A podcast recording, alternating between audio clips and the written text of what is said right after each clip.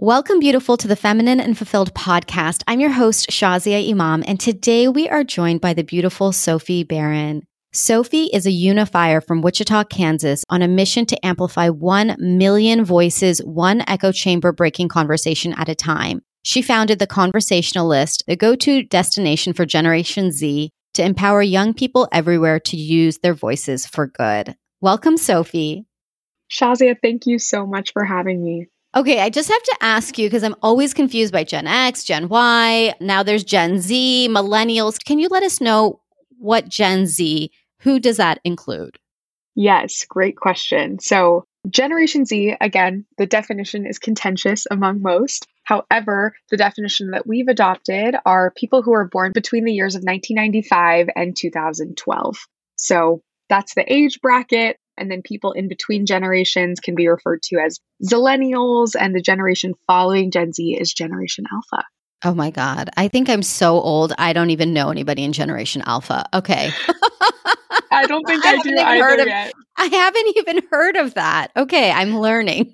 Uh, up and coming, yeah. Gen- Generation Alpha is going to be the children of millennials. So still very young, but are growing rapidly. Wow. Okay. Okay. So you're Generation Z, and I know that you've done a lot at this young age that you're in. So, can you give us a background of what you've been up to? Of course. So, thank you so much again for your beautiful intro. Like Shazia said, I'm the founder of The Conversationalist. My whole mantra in life is to bring people together across divides to have conversations that matter. So, amidst the pandemic, we really pivoted to turn our content media platform into a community platform. Right now, as the world is so isolated and divided with the pandemic, young people needed a place to go to connect, converse, and make sense of the world together. So, right now, we're growing and scaling our online community. We're on a platform called Geneva. We love our friends at Geneva. And we're just trying to bring more people in to have those echo chamber breaking conversations.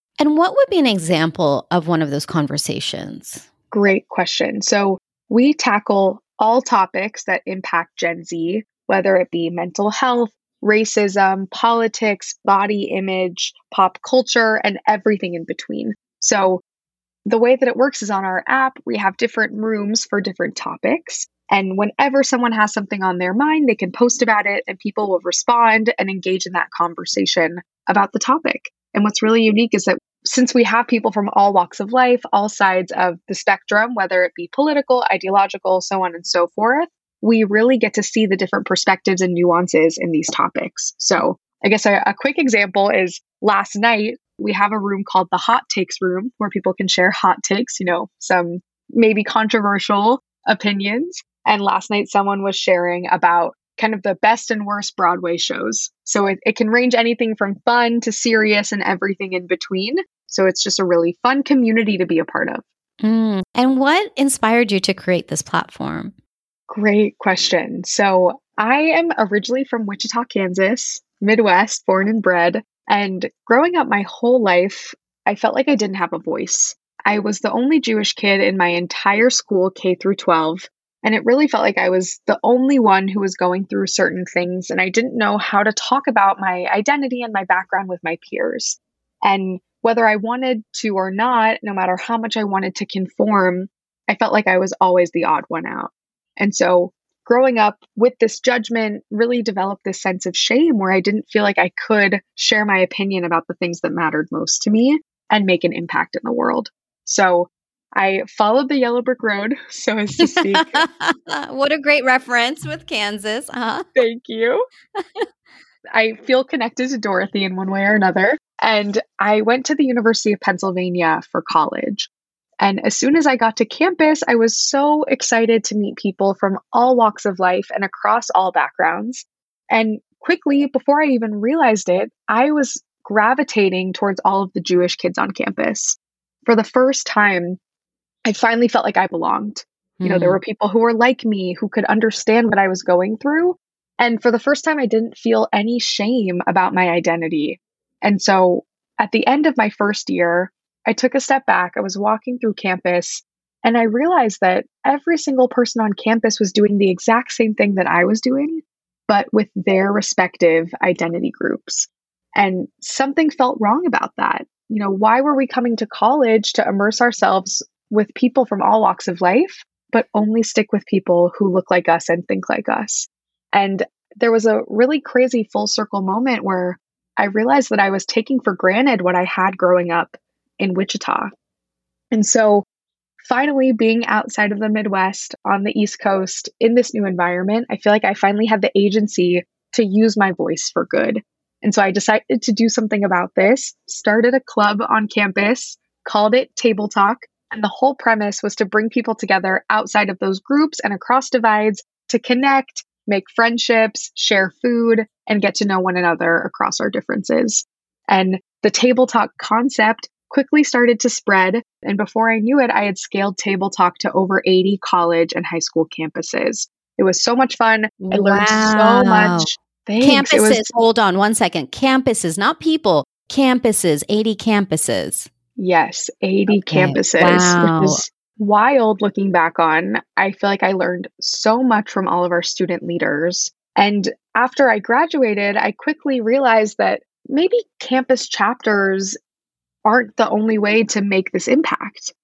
And I went back to the drawing boards. I was doing some research and some thinking about, you know, why as young people are we struggling to connect and converse in meaningful ways? And long story short, the 2016 election happened. And I think I realized again that the echo chamber permeated our campus much deeper than I had previously thought. People could not conceive of a world where Donald Trump could become our president. And I completely understand that perspective. However, I felt like the disconnect was our echo chamber and that we only see people who think like us and look like us again and again on social media and in real life so that we can't conceive of other people's points of view. So, this revelation was the spark behind the conversationalist in really wanting to create a place where young people can go to immerse themselves in other people's lived experiences and backgrounds and belief systems and get comfortable with the uncomfortable and engage in these hard conversations that we so need to have. So that was a little bit about my journey, long story short, and just so grateful to be building what the conversationalist is now. Wow. I mean, that's incredibly powerful. And, and what I'm really curious about is that I'm actually shocked by it spreading to 80 campuses. And I'll tell you why, because I'm curious to understand what would bring somebody to say, I want to hear somebody else's perspective. Because what I've noticed is people live in such an echo chamber and don't want to hear other perspectives. This has been my experience. That why would somebody go out of their way to say, okay, I'm going to be part of a conversation where there will be people from other backgrounds or thoughts or very, very differing, almost opposite viewpoints, what would draw somebody to come into a conversation like that?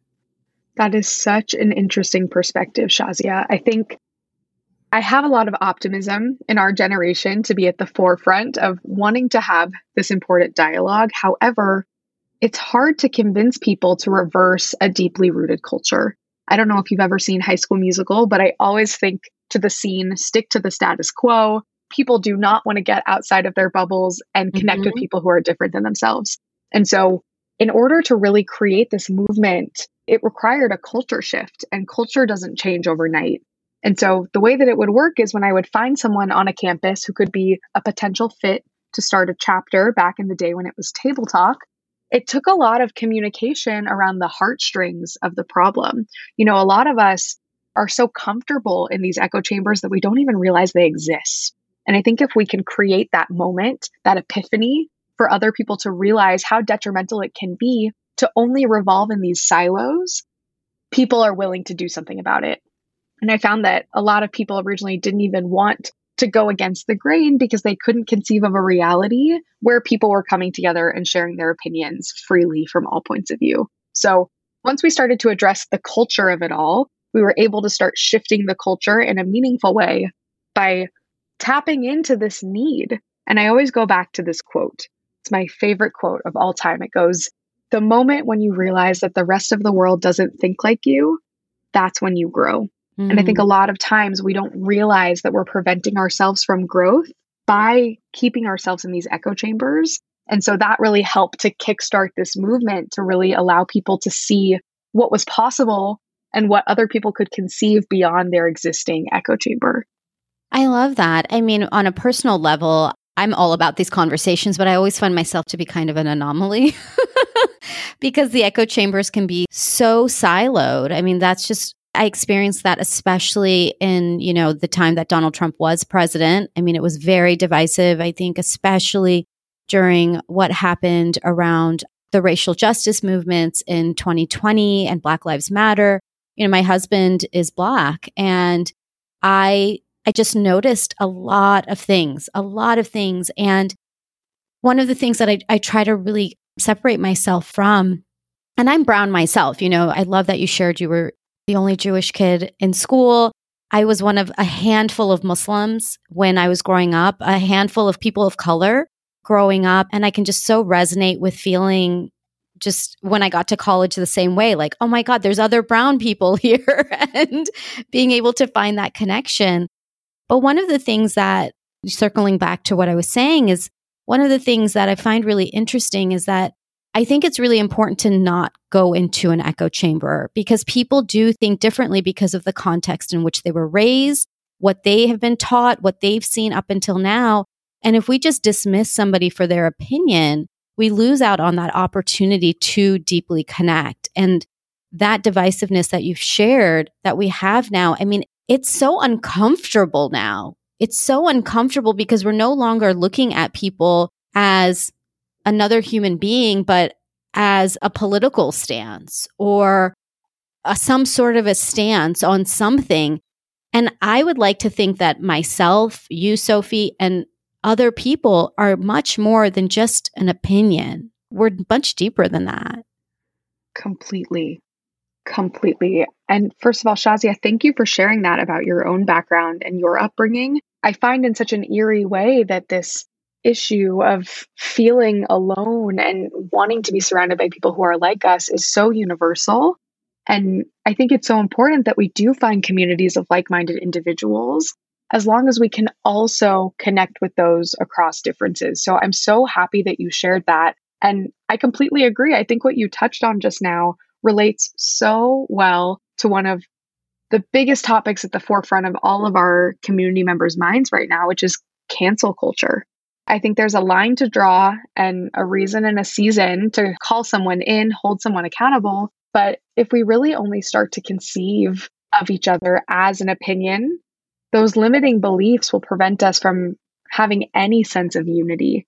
And so I think it's really interesting that you bring this up because right now we've created this environment where we're all kind of walking on eggshells. We're afraid to say yes. the wrong thing for fear of being canceled. And there are so many things that we don't know.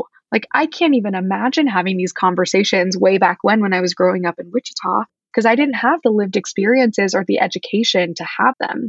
And if I said one wrong thing, had one misstep, I would have loved the opportunity to learn and grow. So I think it's an interesting perspective that you bring up in figuring out where we draw the line between educating others and calling them in while also allowing for people to hold others accountable when they've done something wrong. Yeah. And I think that there is no like perfect way. You know, we're all learning and growing, but I think it's really important to have the conversations. And it's really important. I always like to think of myself in the other person's shoes, even when it's really uncomfortable. And I like to believe that people are not malintentioned. Now, the level of malintention does vary. I do think that some people are taught malintention, but for the most part, I think that human beings, like we all have the same primary need to feel seen and to feel loved and to feel that we belong. And so I try to always meet somebody at that place before and I'm a coach. So, I mean, this is what I do naturally, but I've always done that because I always wanted that. You know, as a brown Indian girl, I wanted people to see beyond, like, oh, you know, you don't have an accent. And I'm like, yeah, because, you know, I was born here. I wanted people to see me beyond being a brown little girl. I wanted people to see me for who I was. And, you know, that's a powerful person who had dreams and goals. And so much talent. Like that's how I wanted to be seen and I still want to be seen. And so at the same time, what, you know, on the flip side, I also like being seen for who I am. Like I also can't dismiss my heritage and my faith. So at the same time, when people would try to not see any color or not see that I do have things that make me dynamic, that also felt strange. And so there's like all these dynamics and things that at the end of the day, if we can just have honest conversations, and it sounds like you've created that platform, then then we can be met in that place of being seen. Shazia, I am resonating so deeply with what you're sharing. I think there's this interesting juxtaposition where, at the very essence of who we are as human beings, all we want at the end of the day is to be seen and heard and understood. And it's so important to allow others to feel seen beyond the boxes that we put them in, while at the same time not completely disregarding those boxes that provided for unique lived experiences mm-hmm. and different things that would allow us to understand someone in a deeper way. And I love what you shared about empathy. I think by fully understanding how different other people's lived experiences are and putting yourself in the shoes of someone else can really help to develop a framework to find common ground and realize that at the end of the day, we have so much more in common than that which divides us. And I'm so glad you brought that up. Yeah, and I'm I'm curious to understand a bit more about cancel culture because I still don't quite get it. I've heard it used and I think I'm also I live in my own silo of just making my own opinions and thoughts about things. So I don't feel shameful saying this, but I feel shy to say it. I don't like watching the news. I'm very careful about like making sure I learn things from actual people or news sources that to me are very just providing boring news, I guess I would say. so I end up most of the time in my own silo of, you know, making my own decisions, but then I don't understand some of these phrases like cancel culture. Totally valid. And hey, I'm not an expert. I'm an expert in my own experiences, as I like to say. And I can try to explain cancel culture through a few different lenses, but I think at large, cancel culture is this new quote unquote movement where people will get ostracized from society, deplatformed, and silenced for saying something offensive or mm. something that was uneducated or something that isn't a belief that people like to hear something that isn't of the majority way of thinking. And typically we think about cancel culture in two different realms one being a high profile person or a public figure or a celebrity versus someone in your own circles who might be a friend, a peer, a coworker, a family member, and reconciling those two different types of canceling. And so when people quote unquote cancel someone, typically it's through social media or other actions where there's groupthink or mob mentality where a bunch of people come together and decide to try to remove someone from society. So I'm sure you can think of a lot of examples of public mm. figures saying something out of step and people trying to hold them accountable through deplatforming them rather than trying to educate them and allow them to learn from their mistakes. And so the tricky thing about cancel culture is I, at the end of the day, believe that there is a time and place to remove someone from society once they've reached a certain point, right? Sure. Like people who have done so much harm to others, like when I think of the Me Too movement, 100% we should be putting people in jail, removing them from their freedoms, and holding them accountable for the horrible actions and the harm that they've caused to others. And I think right now with cancel culture, all of these actions have gotten grouped into the same arena. So it's hard to determine how we handle a situation of less scale that hasn't necessarily done X amount of harm, and every situation is different. But oftentimes, in my mind, cancel culture is a band aid solution to actually having the important conversation that can create education and can create moments of growth. So that's a little bit on cancel culture, but Shazi, I'd love to hear your thoughts. Yeah, you know, I mean, of course, like I'm thinking about specific people. You know, I'm thinking about Harvey Weinstein, who absolutely gets to be brought to justice, and Kevin Hart. These are the two people when you were sharing about cancel culture. I was like, oh, okay, yes. Like it's very clear now when you were sharing. And it, that's something I've definitely observed is, and I've had the same question that you have too is at what point do we hold people responsible for either something specific they've done or even to the collective. When something happens to the collective, I learned a lot, especially during what happened around racial justice in 2020. I learned a lot about white supremacy culture, right? I didn't even know that. And it started like just it, a lot of light bulbs went off for me because they were just things that I thought were normal, like microaggressions, like learning even about what microaggressions are. I'm like, I didn't even know that there were names for a lot of things that I felt growing up and I just didn't know what to do with it. And you, you know, I learned to adjust and I just would always adjust. And so there is this idea of what are things that harm the collective and the Me Too movement is representative of that too. When we live in a culture that allows boys to just be boys, at what point do we hold people responsible or an ideology responsible? Because we can't have things just perpetuating. And that's really important to take a stand on. Now, on the flip side, it is very difficult when we start taking away the right for people to have their own thoughts and opinions. And this is where it just gets so gray. And I find that I can't be on either side. Like I'm not on like one extreme or the other. And I'm still finding my way in the middle as well, because at what point is it okay for somebody to make a decision on their own for themselves and like, let's just say their family on a personal level that everybody may not like their opinion. At what point do we say, well, people are entitled to live their life in a certain way? And at what point do we say, okay, wait, this ideology or this action here is problematic to the collective and we do need to really address it? And I mean, it's just all very, very gray. Yeah. And I think what you bring up is so brilliant because in any situation, it's my own belief that we should address anything and everything. I think silence and letting things go left unsaid can oftentimes be more harmful than addressing mm-hmm. these things. And so, in my mind, if someone does something out of step or something harmful or could be potentially harmful to the collective, like you were sharing, regardless, I think there has to be dialogue. We have to talk about it, we have to unpack it.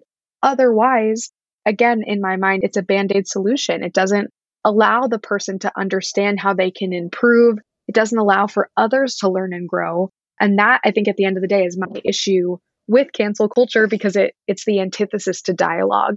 And if, as someone who champions the importance of conversation, it's hard to wrap my head around a concept of only letting someone get removed and deplatformed from society without having to engage and learn and grow. I'm often reminded of the criminal justice system.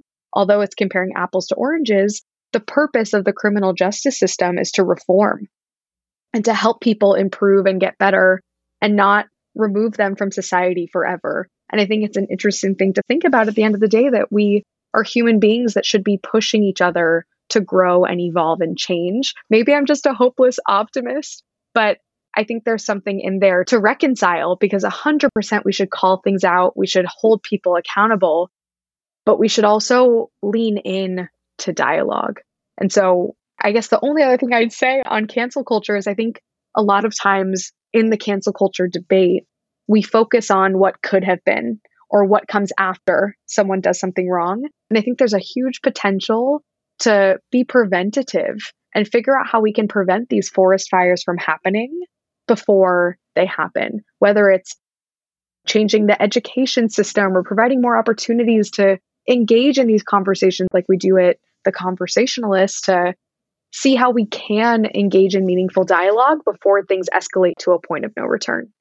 Yeah, I mean, I think what you're doing is is really crucial with the conversationalist because what gets to happen is that things shift when people have knowledge. Knowledge is power, it's always power. And knowledge gets to be understanding others. You know, we wouldn't be so divisive if we physically were not divided. And that's what's happening. We're physically divided. I mean, just given we're in a pandemic, right? So our physical proximity to people has been even further deepened that before people were lonely. I mean, now you can't even see people. So you've got a physical divide. And now you further that divide by having these algorithms and all the platforms that we're on, all the social media platforms, the outlets that we follow that are meant to just make their silo happy. And so you're just getting the same information over and over again, which is dividing people more and more and more. And I was talking to my husband last night actually about this very thing. I, am always interested in like human just uh, group dynamics. I think it's very fascinating. And I said, it doesn't actually take a lot for somebody to start believing that they're better than the other person. It really, like, we want to think that certain groups are bad because they did something atrocious for a long time. But it wouldn't take you and me very long, Sophie. And I would say that we're both quite enlightened. I can bet that if push came to shove, even you and I and other people who deem themselves as quote unquote good people could still find themselves in a place where they think that they're better than others. And so it's really important to like almost check the conversations that we're having and the opinions and assumptions that we make about others and really start to notice is that even within me? Because if I'm here to vilify somebody else, am I not seeing that potential in me? And that's a deep question. I mean, I'm sure nobody wants to necessarily have that conversation. But I think it's very important that we are willing to dive deeper because if we don't start to see that we are divided and further being divided and start to think that our opinion or my opinion is good and that person's opinion is bad, and we're not realizing that we are literally disconnected, I really worry down the road of what will happen because then whose opinion is right? Like what becomes right and what becomes wrong? Who becomes higher on the hierarchy? Because group dynamics is fascinating in this way that we like to find ways to feel better than other people. I mean, this is, you know, I didn't expect to be talking about this right now. So let me just pause here. but I'm here for it. I mean, I love this conversation. It's getting me to think on so many different levels. I think, Shazia, you bring up something so important here which again goes back to these power dynamics. And I think in America, especially, and I can only speak for being an American, I think we're brought up from such a young age to be a part of this individualistic society where we mm. prioritize mm. ourself and our groups and our echo chambers over the collective whole. And with that, I completely agree. It's so important to recognize where we view others in relationship to ourselves. And I think that's kind of where we steer off the right path from such an early age in creating this concept of the other. Mm-hmm. So I think that mm-hmm. such an interesting thing to think about and how hopefully, and I think humility is the key here to reform and reshape the ways in which we view other people to equal the playing field. Like at the end of the day, we are all human beings. We all have a right to exist and live a happy, healthy, successful life. And although there are structures in place that hinder certain groups from getting further ahead in society, which is a whole other topic, I think whittling it down back to the essence of our beings is such an important place to start because at the end of the day, we are all human and that is what connects us. So I think there's something interesting here to uncover with the other versus mm-hmm. ourselves. And I'd love to bring up one more thing that Shazia, what you shared, brought up for me, which is the notion of truth. And again, something that I learned from such an early age as an American is this concept of the binary. I think from so early on, we are taught to think in twos, right? Right versus wrong, black versus white, red versus blue, up versus down.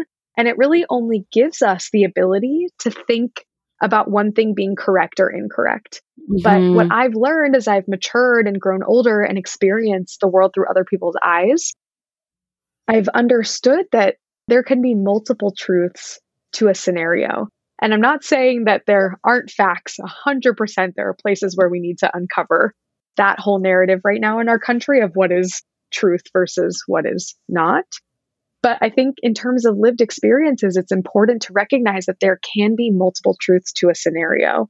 And that's something that we often neglect, which I think allows us to go back to these power structures where there can only be right versus wrong, you versus me, us versus them. So a lot of what we do at the conversationalist is trying to paint that nuance and highlight the multidimensionality mm. of of who we are as human beings. And I think by creating that opportunity for different truths can oftentimes be a really nice humbling moment for people to realize that Shazia, you can be right and I can be right, and that is okay.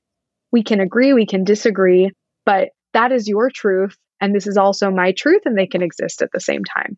Yeah. And I couldn't agree more. And I love that Generation Z and now Generation Alpha, I really feel are at the forefront of this thinking, which I think is very important. And I think this piece of understanding that there is not a binary in anything, you know, I mean, like you just look out at nature and there's nothing that is binary. Everything is so uniquely, like beautifully curated by, you know, I believe the divine.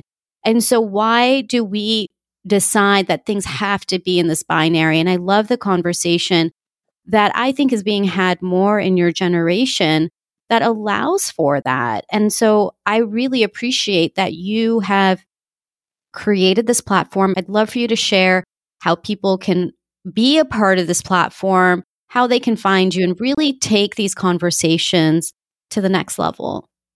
Thank you so much for saying that, Shazia. I have full faith in Gen Z to really be the change makers taking the lead and starting these conversations. So I feel super grateful that it's happening at the conversationalist and would love for anyone and everyone to get involved. So if anyone is looking to join this community of incredible young people around the world talking about issues that matter, all you have to do is go to our website, theconversationalist.com, click join our community, or visit us on social media at The Conversationalist, tap our link in bio, and you will be taken right to the Geneva platform where we will welcome you with open arms. And if you can't find either of those links, you can also send a text. You can text the word unify, U N I F Y, to 877 222 1119. So can't wait to see you all there. And also feel free to message me at Sophie Beren on Instagram and happy to help answer any questions.